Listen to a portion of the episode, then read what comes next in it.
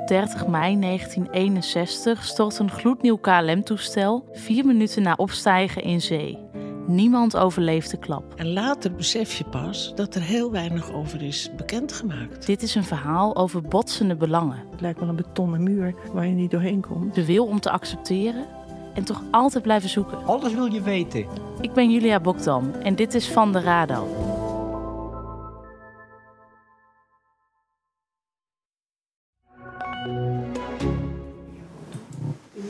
Snapte niet wat ik zag in het mortuarium. Al zou je twintig moordzaken bij elkaar voegen, dan kom je nog niet aan het aantal verwondingen wat jij in je eentje hebt aangericht. Word je dan niet bang van jezelf?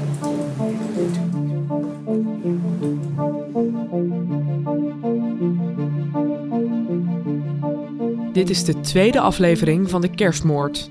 Heb je deel 1 gemist? Luister dan eerst nog even naar de aflevering van vorige week. Let op, deze aflevering bevat details over seks en geweld. Het is december 2022. Terwijl heel Nederland kerst zit te vieren, ligt de 36-jarige Danny dood in zijn woning. De Chileense escort Daniela sneed en stak Danny maar liefst 214 keer. Maar waarom? Dit zoekt de rechter uit in de behandeling van deze zaak. Ook komt de zus van Danny aan het woord en kan Daniela haar kant van het verhaal doen. Maar eerst vertellen we je hoe Daniela wordt opgespoord en gearresteerd. Mijn naam is Emma Thies en je luistert naar de Zaak X. Een podcast van het AD in samenwerking met het podcastkantoor, waarin we wekelijks een spraakmakende rechtszaak bespreken. Met deze week de kerstmoord.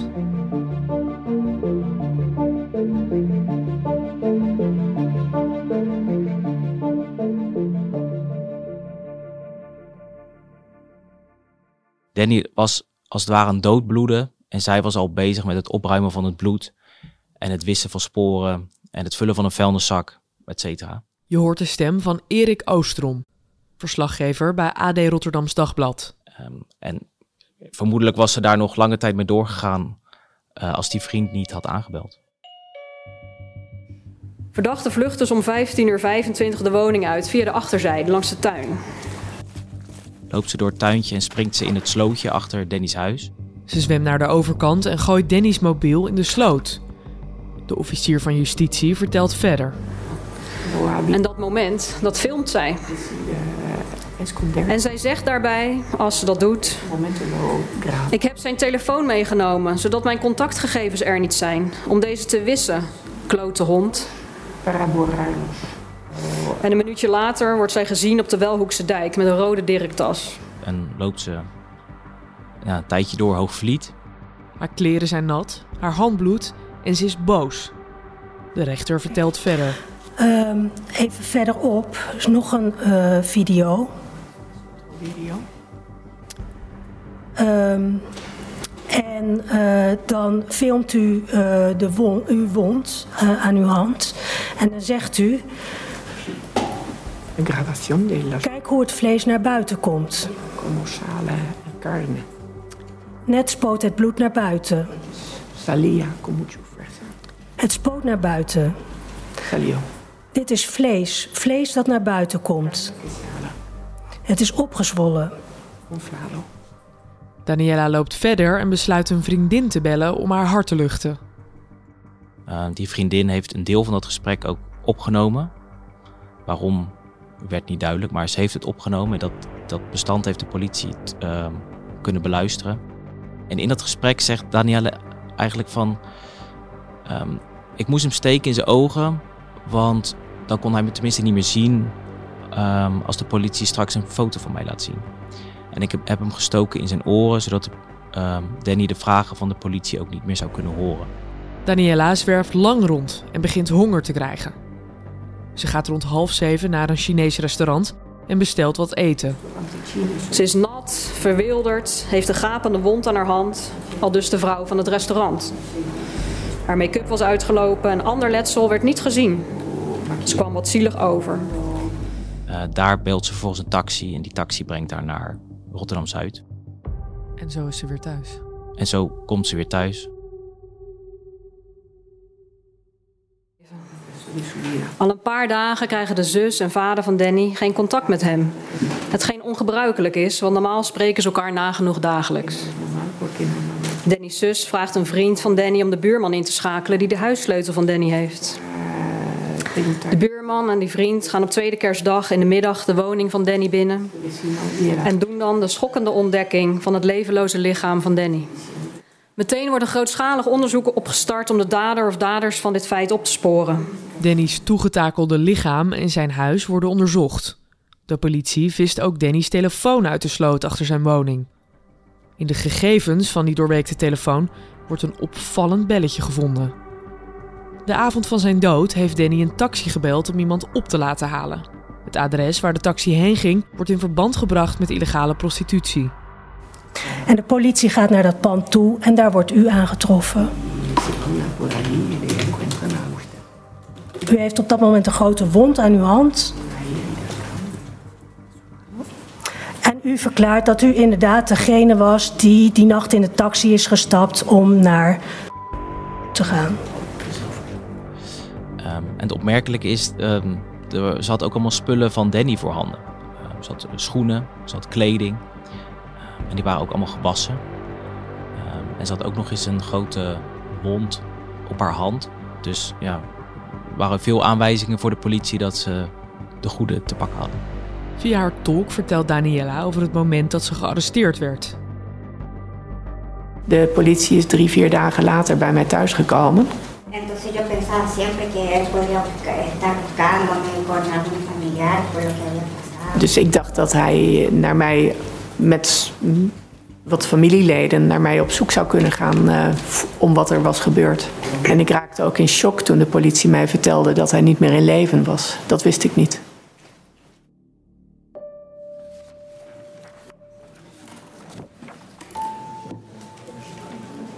Voor de behandeling van deze strafzaak moet Daniela voorkomen in de rechtbank in Dordrecht. Ze zit dan al bijna een jaar vast. Het is weer bijna kerst. En ook in Dordrecht hangt de kerstverlichting al boven de straten. Al zal Daniela daar niet veel van gezien hebben tijdens haar transport naar de rechtbank. De rechtszaal zit al aardig vol. Op de tribune zitten vrienden van Danny, en zelfs politieagenten en rechercheurs die bij deze zaak betrokken zijn geweest. Danny's vader kon het niet aan om aanwezig te zijn. Danny's zus is er wel om straks gebruik te maken van haar spreekrecht. De rechter opent de zaak met een waarschuwing voor iedereen in de zaal.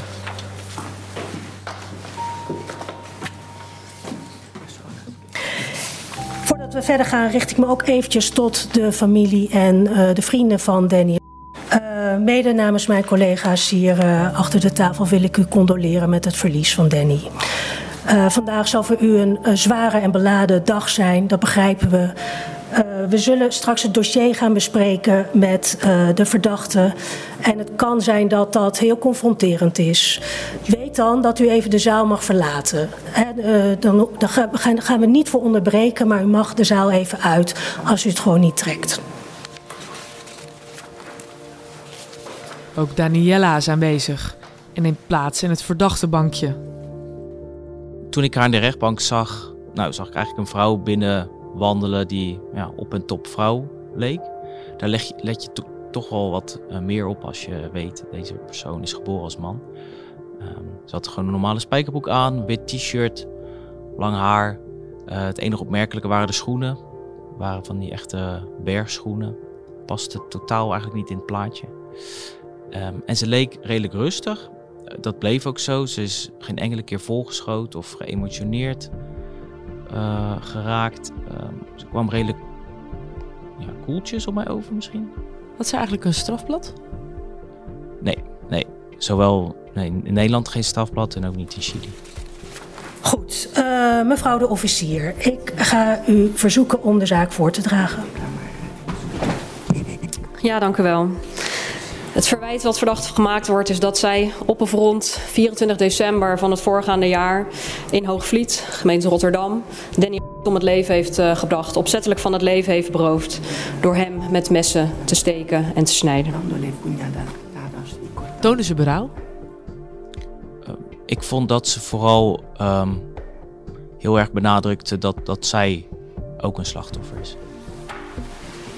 Uh, als uh, het gevolg van al die uh, vuistslagen op mijn gezicht is dat de, de siliconen in mijn voorhoofd, dat zijn bolletjes geworden. Ja, dat maskeer ik dan met, met make-up. Mm -hmm.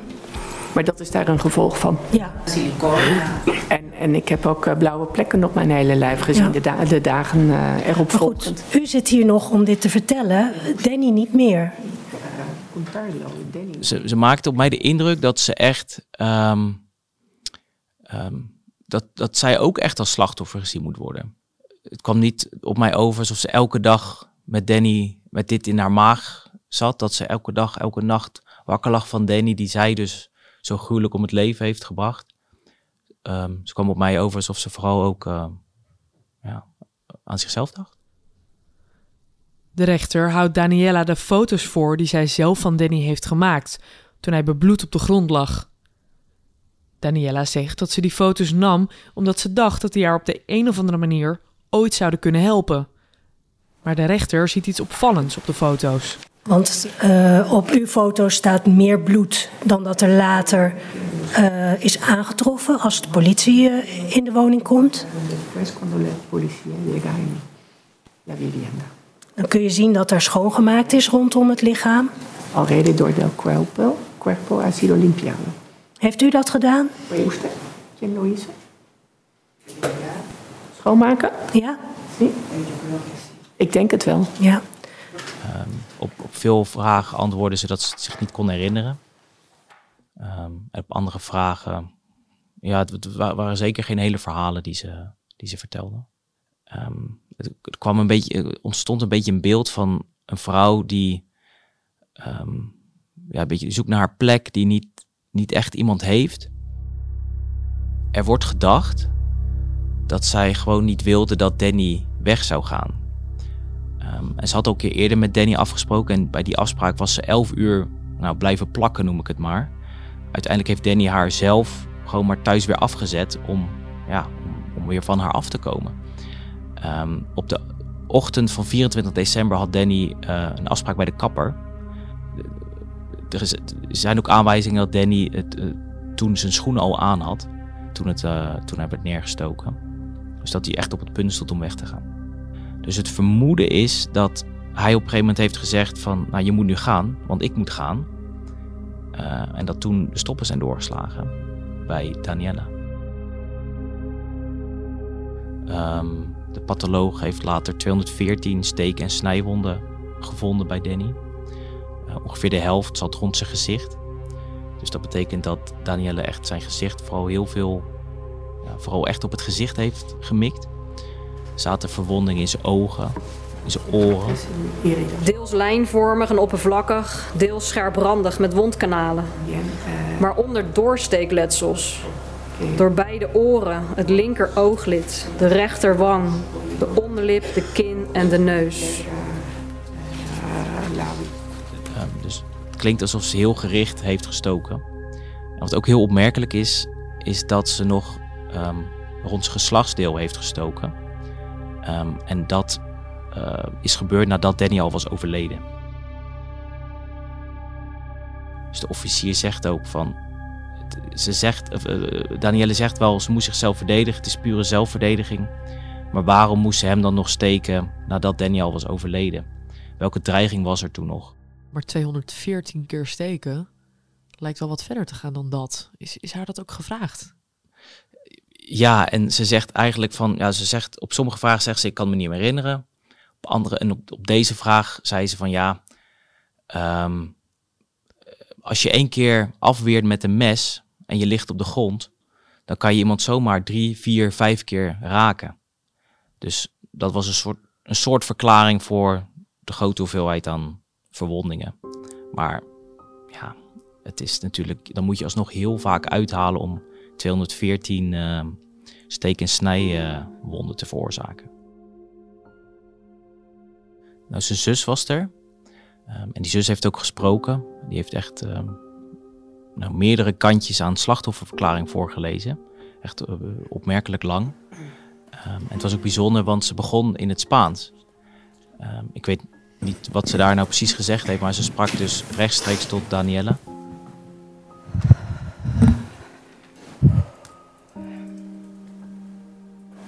Daniela, mi gustaría presentarme. Yo soy la hermana de Dani. Quiero Je zag dat Danielle meteen was geraakt door het feit dat ze ineens in het Spaans werd aangesproken. Teníamos un amor incondicional. Het was een goede zet van die zus om het zo, uh, om het zo te doen. Ze draaide zich om en nou, luisterde naar wat die zus te vertellen had. En op een gegeven moment ging de zus over in Nederlands. Um, en toen draaide Danielle zich ook weer om en toen keek ze weer vooruit. De helft van mij is geamputeerd en is nu aan de andere kant. Probeer dan maar eens verder te gaan. Ik moet door voor mijn vader. Wij tweeën zijn overgebleven van het gezin van vier nadat mijn moeder in 2015 zelfmoord heeft gepleegd. Ze vertelde van alles. Ze vertelde dus dat ze van plan waren om naar Spanje te emigreren. Waar jij het nog gewoon naar je zin kan hebben, breek ik verder af. Zullen we ruilen?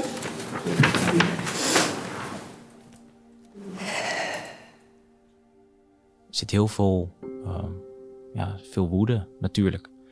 Um, maar de zus vertelde ook dat zij, um, toen, het allemaal, toen de politie klaar was met het onderzoek, dat zij naar de woning is gegaan om schoon te maken. En dat ze dagen en dagen is bezig geweest om alle bloedspetters te verwijderen. En elke keer dacht ze dat ze klaar was en dan vond ze er weer een.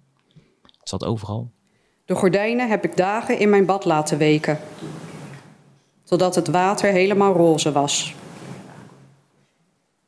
Overal heb ik lopen boenen, boenen en boenen. De tv-plank, de deurtjes van de open haard, de meubels, al het gereedschap dat er achter de bank had staan, heb ik stuk voor stuk in mijn handen gehad. En op bijna alles zat bloed. Ik hoop dat je dagelijks herinnerd wordt aan mijn broer. Als je naar je hand kijkt. Ik hoop dat je nog dagelijks pijn hebt aan je hand. Als je gaat slapen, dan hoop ik dat je zijn gezicht ziet. Ik zie Danny nooit meer. En nooit meer is echt heel, heel lang.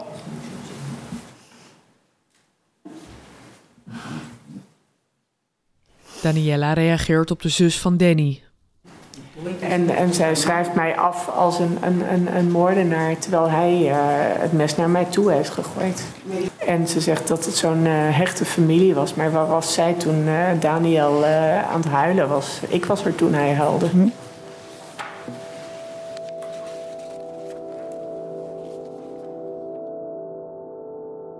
Het OM heeft 14 jaar cel geëist tegen Daniela.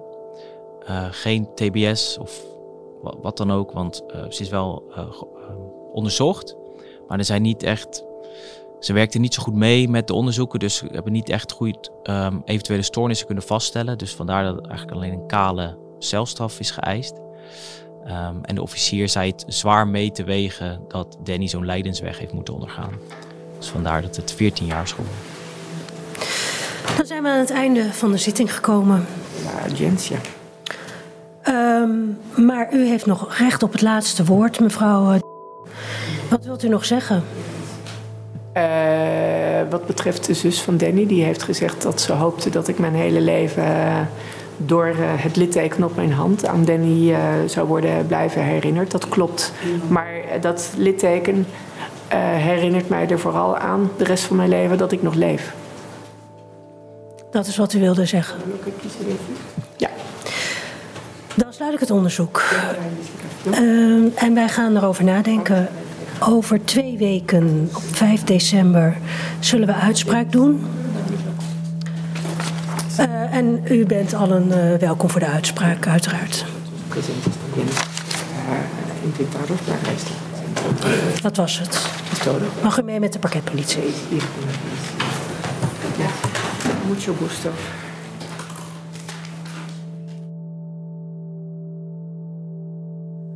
Denk jij dat Daniela de kerst uh, in die cel zal doorbrengen? Ja, dat denk ik wel. Danny is al bijna een jaar overleden. Uh, ja, nu komt de strafzaak tot een eind.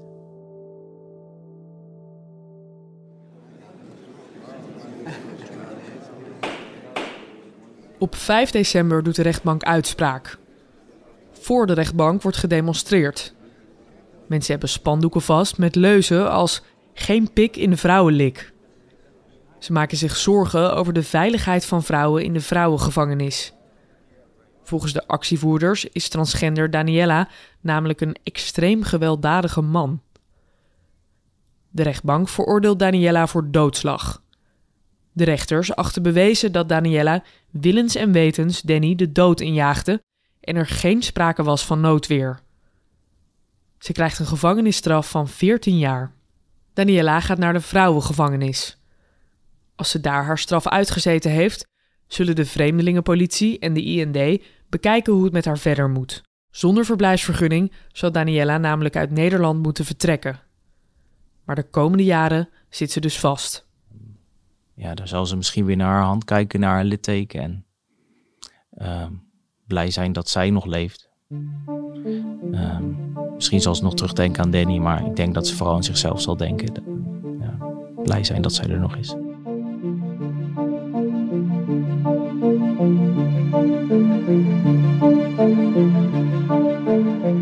De Zaak X is een wekelijkse podcast van het AD en deze aflevering werd gepresenteerd door mij, Emma Ties. Aan deze podcast hebben meegewerkt David Achter de Molen van het podcastkantoor, Sanne Beijer, Thomas Brouwer en Joost de Kleuver. Als je meer details wil lezen over deze zaak, kijk dan op ad.nl slash dezaakx. Beelden van deze zaak worden gedeeld op de Instagram-pagina van de Zaak X.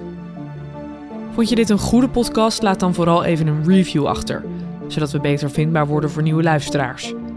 En wil je ook de volgende aflevering niet missen? Abonneer je dan op dit kanaal.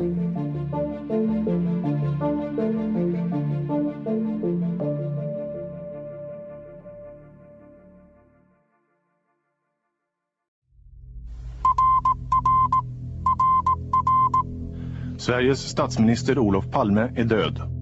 Zweden rouwt na de moord op premier Olaf Palme.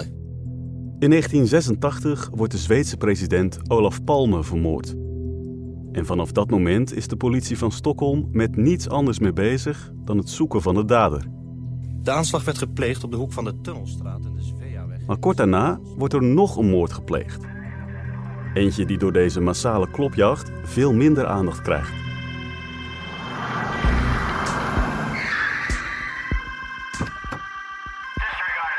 Het is een moord in huiselijke kring, ergens in een buitenwijk van Stockholm. Het slachtoffer is een 30-jarige vrouw. De dader, haar stiefzoon Samir Sabri. En vrijwel gelijk als de politie ter plaatse is, bekent hij haar vermoord te hebben. Maar kort daarna komt Samir terug op zijn bekentenis. Hij is onschuldig, zo zegt hij. Klopt het wat Samir beweert? Is hij echt onschuldig? En als hij de moord niet pleegde, wie dan wel? Je hoort het in De Stiefmoedermoord.